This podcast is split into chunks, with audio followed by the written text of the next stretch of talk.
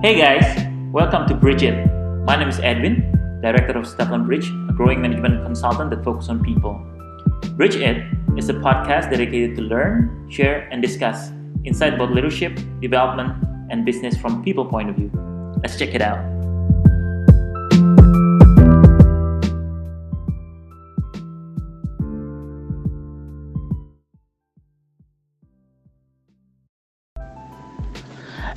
This episode, we're going to talk about the importance of organizational awareness and how to raise it. Hai Bridgers, ketemu lagi nih sama Vita yang biasanya emang membawakan podcast dari Bridge It dan aku ditemani nih sama dua teman aku, ada Rifki dan ada Lia. Oke, perkenalan dulu nih. Oke, oke. Halo semuanya, Bridgers. Uh, udah lama kita nggak ngobrol-ngobrol uh, dan siang hari ini kita bawa ngobrol hal yang seru juga. Semoga bermanfaat buat semuanya. Amin. Amin, amin. Amin. Halo Bridgers. Uh, kayaknya mulai sekarang udah nggak asing lagi ya, masih sama aku Lia di sini dan enjoy. Oke, lihat di let's go. sini. Oke, jadi Bridgers kita bakal ngebahas nih satu topik yang emang seru banget dan emang mungkin lagi ngetrend juga nih karena adanya uh, pandemi saat ini. Nah, apa sih sebenarnya yang akan kita bawakan? Itu adalah uh, the importance of organizational awareness. Nah, jadi overall kita akan ngebahas nih tentang apa sih pentingnya uh, organizational awareness di sebuah organisasi. Nah, sebelum kita masuk nih ke topik selanjutnya, nah aku mau ngejelasin dulu nih sebenarnya apa sih organizational awareness itu. Oke, kalau dari sisi aku nih, organizational awareness adalah bagaimana seseorang mengetahui kondisi dari sebuah organisasi, terus mengetahui kondisi eksternal dari sebuah organisasi, dan apa saja sih pengaruh dari kondisi ekster- eksternal tersebut ke organisasi tersebut. Jadi, eh, ketika kita udah aware nih dengan kondisi eksternal dan internal dari sebuah organisasi, kita akan bisa memberi atau me- memutuskan suatu keputusan berdasarkan eh, data yang emang tepat gitu. Dan kita juga ke depannya nggak akan salah langkah nih untuk melakukan sebuah aktivitas gitu. Nah, kalau misalkan dari organizational awareness ini, sebenarnya juga ini penting nih untuk sebuah organisasi dari sisi perusahaan dan dari sisi membernya gitu. Nah, aku mau tahu dong pendapat dari Rifki dan Lia, apa sih sebenarnya organizational awareness menurut kalian? Dan apa sih, kenapa sih al- alasannya kita harus aware nih sama kondisi organisasi itu supaya ke depannya mungkin organisasi tersebut berjalannya lebih produktif gitu. Boleh dari Lia dulu. Oke, jadi sebenarnya organization awareness ini tuh hal basic sih yang harus dimiliki eh, baik itu leader di sebuah tim, di organizations gitu ya, atau juga employee-nya. Jadi dengan kita tuh tahu organization awareness, kita tuh jadi tahu keadaan tim kita itu kayak gimana. Itu bagi bagi ini ya, bagi leadernya ya. Terus kalau bagi employee atau staffnya ya, jadi tahu yang dimau oleh leader itu seperti apa, apa yang harus dilakukan, hal-hal kayak gitu sih. Ada beberapa juga gitu, sempat beberapa kali baca. Sebenarnya organization awareness ini kadang-kadang juga disandingkan sama emotional intelligence, emotional intelligence tapi eh, dari point of view organizations. Kadang-kadang orang juga ngelihatnya tuh dari point of view HR lah gitu ceritanya. Kalau dari Rifki gimana nih? Oke, thank you Lia. Organization awareness gitu ya. Uh, menurut aku ini memang tadi uh, Lia sempat mention juga ini basic. Ya betul banget ini basic, but gak semua orang bisa bisa bisa memiliki skills ini sebenarnya. Karena berdasarkan pengalamanku juga sampai sejauh ini, walaupun ini basic, untuk bisa capable equip uh, this kind of skills di tempat kita kerja atau misalnya kita punya bisnis gitu ya dan kita pengen menjadi sebuah perusahaan yang bisa memiliki organizational awareness itu nggak mudah sebenarnya teman-teman kayak gitu. Buat bridges juga di rumah gitu ya. Karena eh, itu butuh pengalaman kalau kalau dari point of view kayak gitu butuh pengalaman.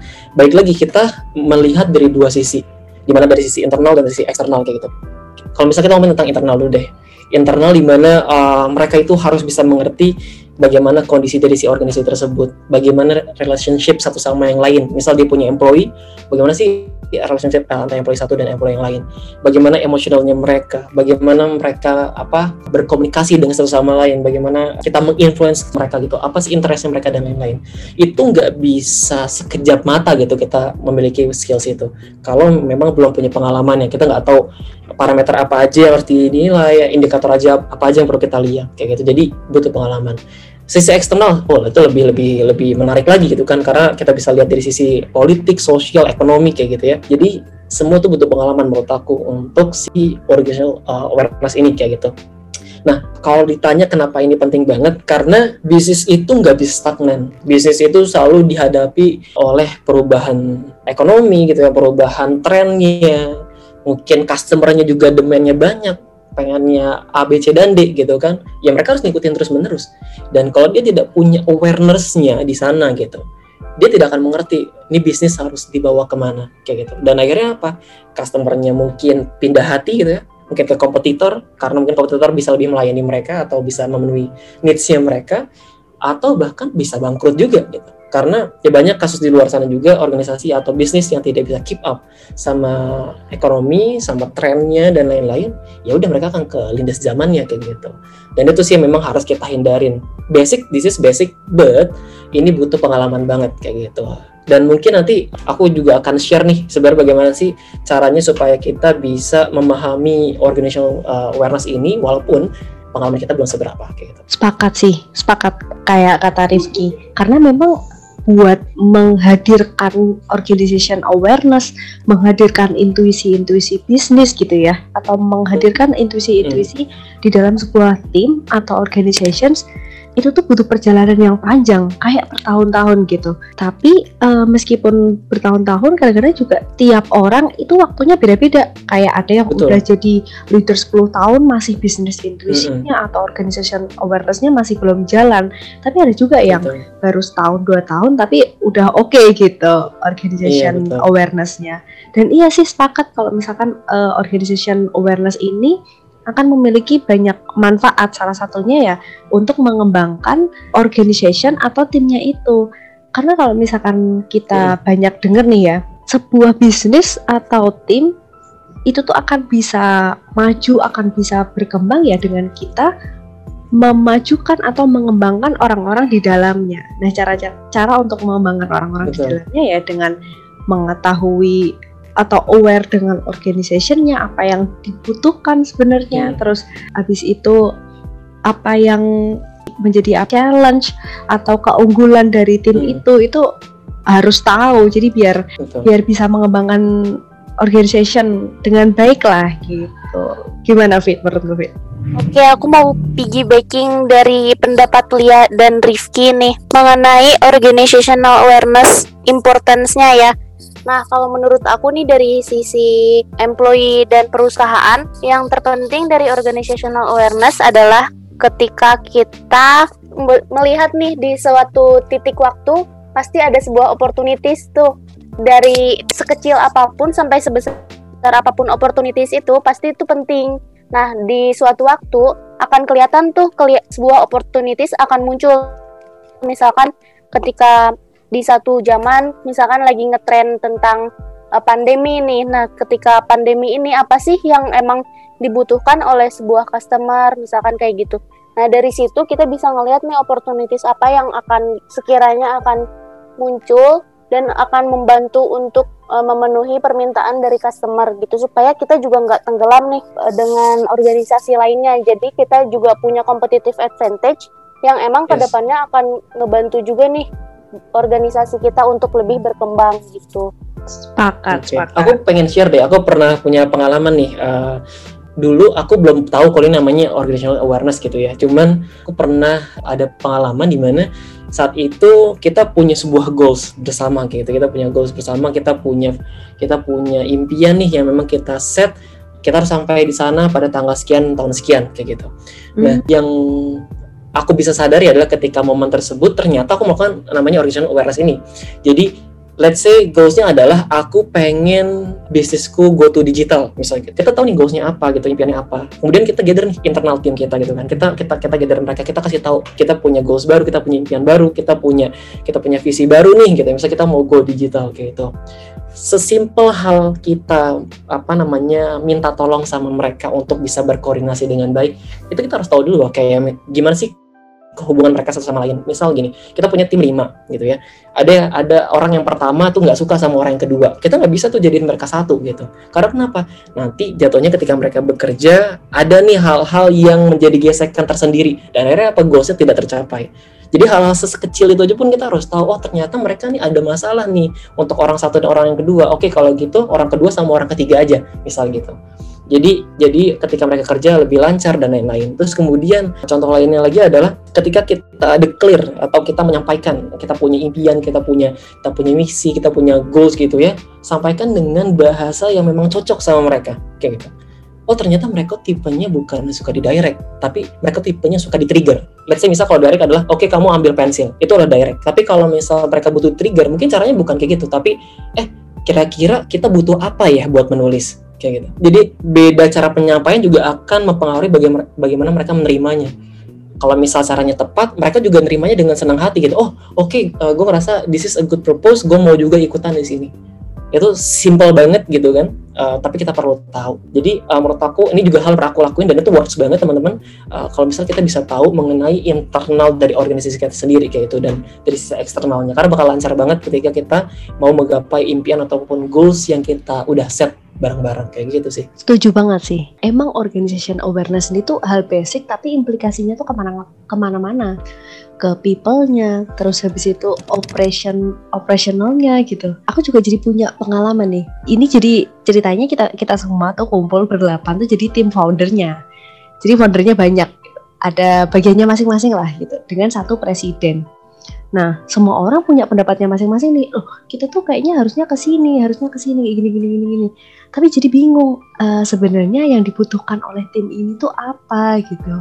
Tapi setelah yes. kita cari-cari root cause-nya panjang gitu perjalanannya akhirnya nemu dan insting tiap orang ini ada yang sesuai sama root cause-nya ini sama uh, apa yang menjadi core problem atau core value dari organization-nya, tapi ada juga yang hmm. beda gitu dari sini aku jadi hmm. jadi ngerasa wah nggak bisa nih uh, hal sebasic ini hal sepenting ini organization awareness gitu cuma beberapa orang aja yang tahu atau ya ini faktor luck karena mereka mungkin mereka banyak terpapar informasi atau udah punya banyak pengalaman jadi organization awarenessnya jalan menurutku hmm. ini menjadi satu ilmu gitu ya yang harus didalami yang harus dipelajari oleh semua orang yang memang pengen pengen memajukan timnya, pengen memajukan organizationnya, biar mudah alignnya, alignment dengan leadernya atau alignment dengan organizationnya. Oke, okay, mantep banget nih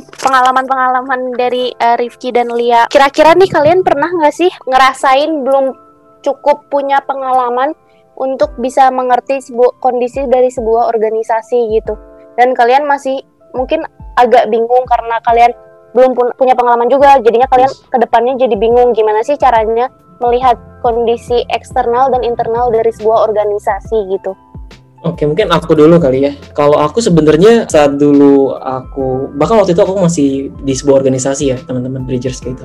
Mungkin aku belum di help di sebuah bisnis yang benar-benar bisnis, uh, kita ya kita generate revenue dan really profesional kayak gitu. Uh, tapi saat itu aku belum mengerti namanya organizational uh, awareness gitu. Akhirnya aku melakukan sesuatu berdasarkan intuisiku sebagai manusia saja gitu. Ya kita berperilaku baik sama semua orang. Nah, uh, tapi ketika aku menyadari kalau misal aku tahu aja gitu ya, kalau misal ternyata ada ilmu namanya organizational awareness kayak gitu mungkin cara treatmentku akan jauh lebih berbeda gitu dan dan mungkin bisa bisa lebih lebih baik lebih sesuai. Mungkin juga tim memberku juga lebih rasa nyaman dengan bagaimana kita bekerja secara bersama-sama kayak gitu. Dan alhamdulillahnya juga gitu ya aku tahu saat ini di mana aku uh, sudah bekerja dan aku juga lagi lead sebuah bisnis juga. Oh ternyata ini loh caranya dan ini loh kita manage orangnya. Ini loh gimana kita harus react terhadap sebuah tren ini bakal bagus banget uh, buat teman-teman luar sana yang mungkin saat ini sedang menjalaninya atau mau siap-siap nih gitu ya. oke siap-siap gue masuk kerja gue mau, mau mau punya bisnis gitu kita siap-siap dari sekarang. Jadi ketika momennya datang kita tahu harus apa gitu. Jadi nggak kita kita udah bisa langsung lari gitu ketika momen itu datang ke kita. Nggak harus jalan pelan dulu nggak harus nyesot dulu harus belajar uh, secara pelan-pelan. Karena sekarang menurut aku caranya udah banyak dan mungkin ini juga uh, sempat yang tadi aku mention di awal gitu ya. Sekarang tuh udah banyak banget course di luar sana kalau misal teman-teman mau cari tahu mengenai organization uh, awareness gitu ya. Udah banyak banget uh, bisa dipelajarin dan yang aku tahu juga salah satunya adalah SVB Academy. Uh, dia juga provide gitu ya untuk uh, kita bisa tahu mengenai organization itu sendiri. Jadi ketika memang kita udah tahu uh, ilmu-ilmunya, kita tinggal praktek gitu. Kita ready untuk bisa langsung lari kayak gitu. Dan itu penting banget karena sekarang itu serba uh, masalah kecepatan ya teman-teman kalau kita nggak bisa react cepat sama namanya perubahan atau react uh, cepat antara kalau kita punya kompetensi apa sorry kompetisi dengan orang-orang lain ya kita bisa ketinggalan kita bisa kalah kayak itu jadi prepare lah dari sekarang menurut aku. Dan si SVB Academy ini punya nih uh, apa ilmu tentang organization. Dan setahu aku juga harganya nggak terlalu mahal. Jadi kalau teman-teman mau coba aja juga dicek tuh mereka punya Instagram kayak gitu. Ini hal yang menarik nih Rifki. Karena hmm, uh, sejauh ini kalau aku kalau aku tahu gitu ya organization awareness ini kan prosesnya kayak panjang banget. Harus belajar belajarnya tuh panjang gitu. Harus punya pengalaman yang banyak dulu harus ngincipin pahitnya misalkan punya masalah di tim atau pernah pernah involve di tim ini di tim ini project ini project itu gitu. Nah tapi yang di SVP Academy ini itu gimana caranya sih kita tuh uh, lang langsung bisa mendapatkan manfaatnya? Kita kita belajar organization awareness ngerti gitu ya terasah skills kita. Padahal uh, dengan ikut course aja gitu itu kan gimana sih keunggulan dari SVP Academy Hmm, Oke, okay. ini pertanyaan menarik banget nih. Uh, jadi kalau yang aku tahu ya si SVB Academy ini uh, selain dia memberikan apa ya namanya pembelajaran melalui video training di websitenya dia, dia itu juga nge-provide kayak business case discussion. Jadi ketika nanti teman-teman bridgers di luar sana sign up, ada yang mendaftar dan alhamdulillah bisa masuk di dalam akademi tersebut karena limited ya, uh, setauku mungkin ada potensi untuk orang tidak bisa masuk gitu karena mungkin slotnya penuh dan lain-lain uh, mungkin kalau bisa masuk alhamdulillah. Jadi mereka bakal ada kesempatan uh, business case. Dia akan ngobrol sama rekan-rekan di akademi tersebut sama HR apa trainernya juga gitu ya mereka akan ngobrol mengenai business case. Jadi akan men-trigger cara mereka berpikir gitu terhadap sebuah masalah. Ini bakal bagus banget. Jadi ketika nanti teman-teman di dunia kerja ketemu masalah kayak gini karena tahu harus seperti apa reactnya gitu. Oh gue pernah nih dulu waktu gue kayak di akademi gue ketemu masalah kayak gini. Oh ini loh cara yang benar jadi kita bakal stand out banget di di dalam tim kita di dunia kerja kita gitu. Terus dia juga punya pilot project, jadi kita akan seperti di assign sebagai orang HR uh, di sebuah perusahaan gitu ya, di mana kita juga akan dikasih case dan kita harus nyelesain case tersebut dan itu juga bakal apa mempengaruhi understanding kita, knowledge kita dan kita bisa bisa lebih praktikal lah terhadap ilmu yang kita pelajarin gak cuma belajar di video tapi kita hands on.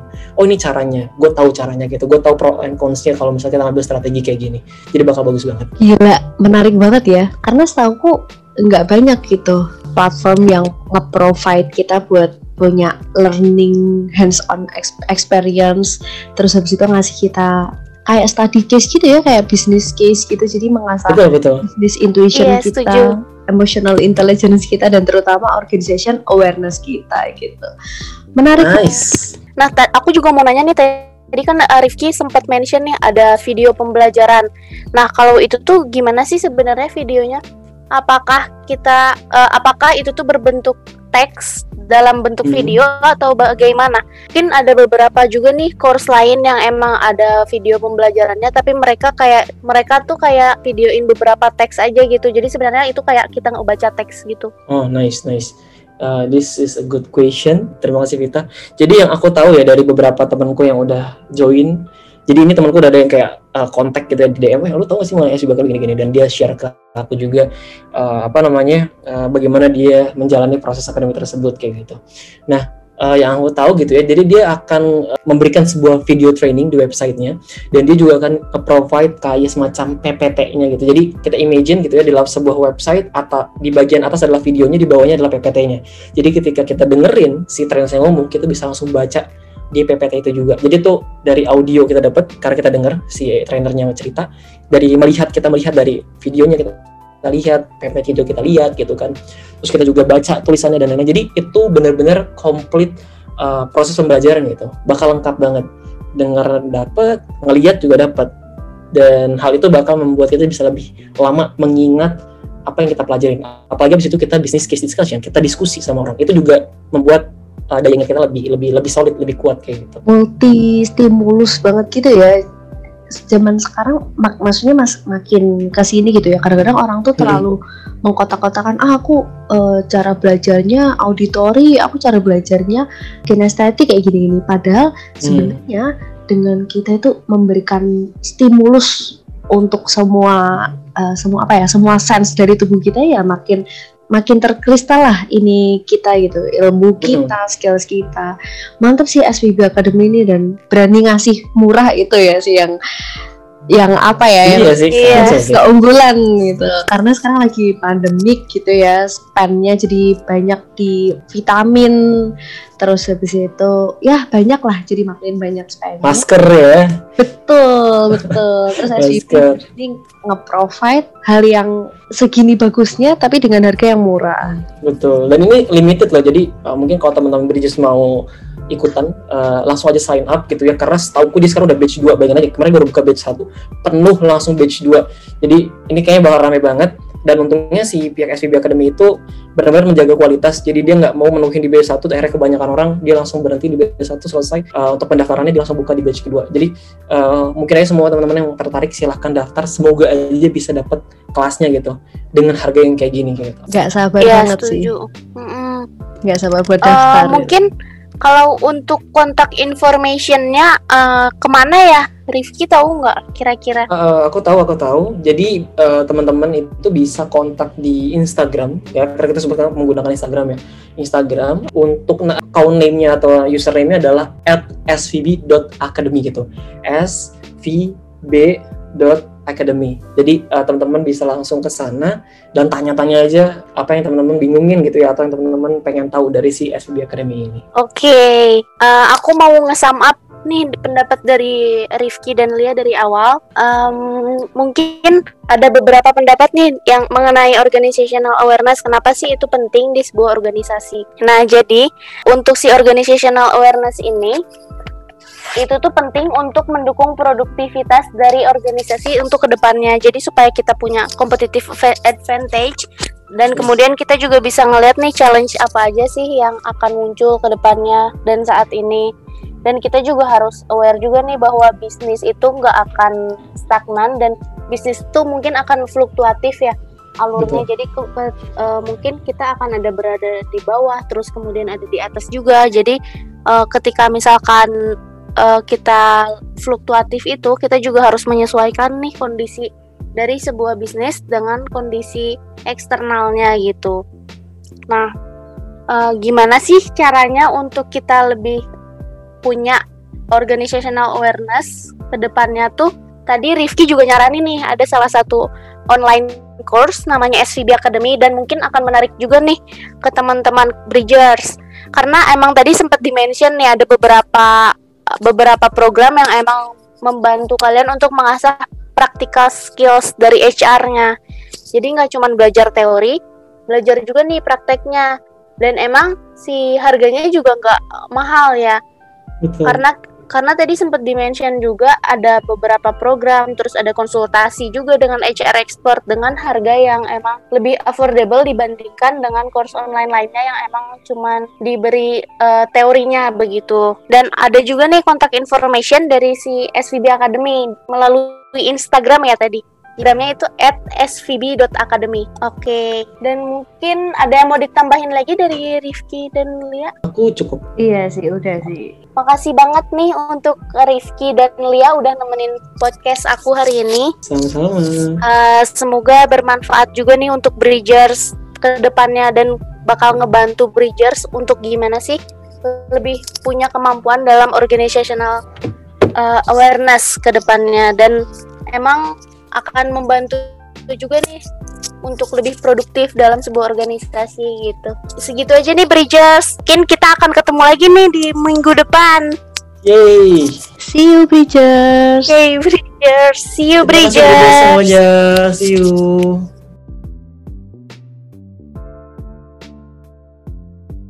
Don't forget to listen to our podcast every Wednesday on Spotify, Apple Podcast, and Google Podcast. Visit our website at stevlinbridge.com. Follow us on Instagram at stevlinbridge. And for any inquiries, please email to contact at.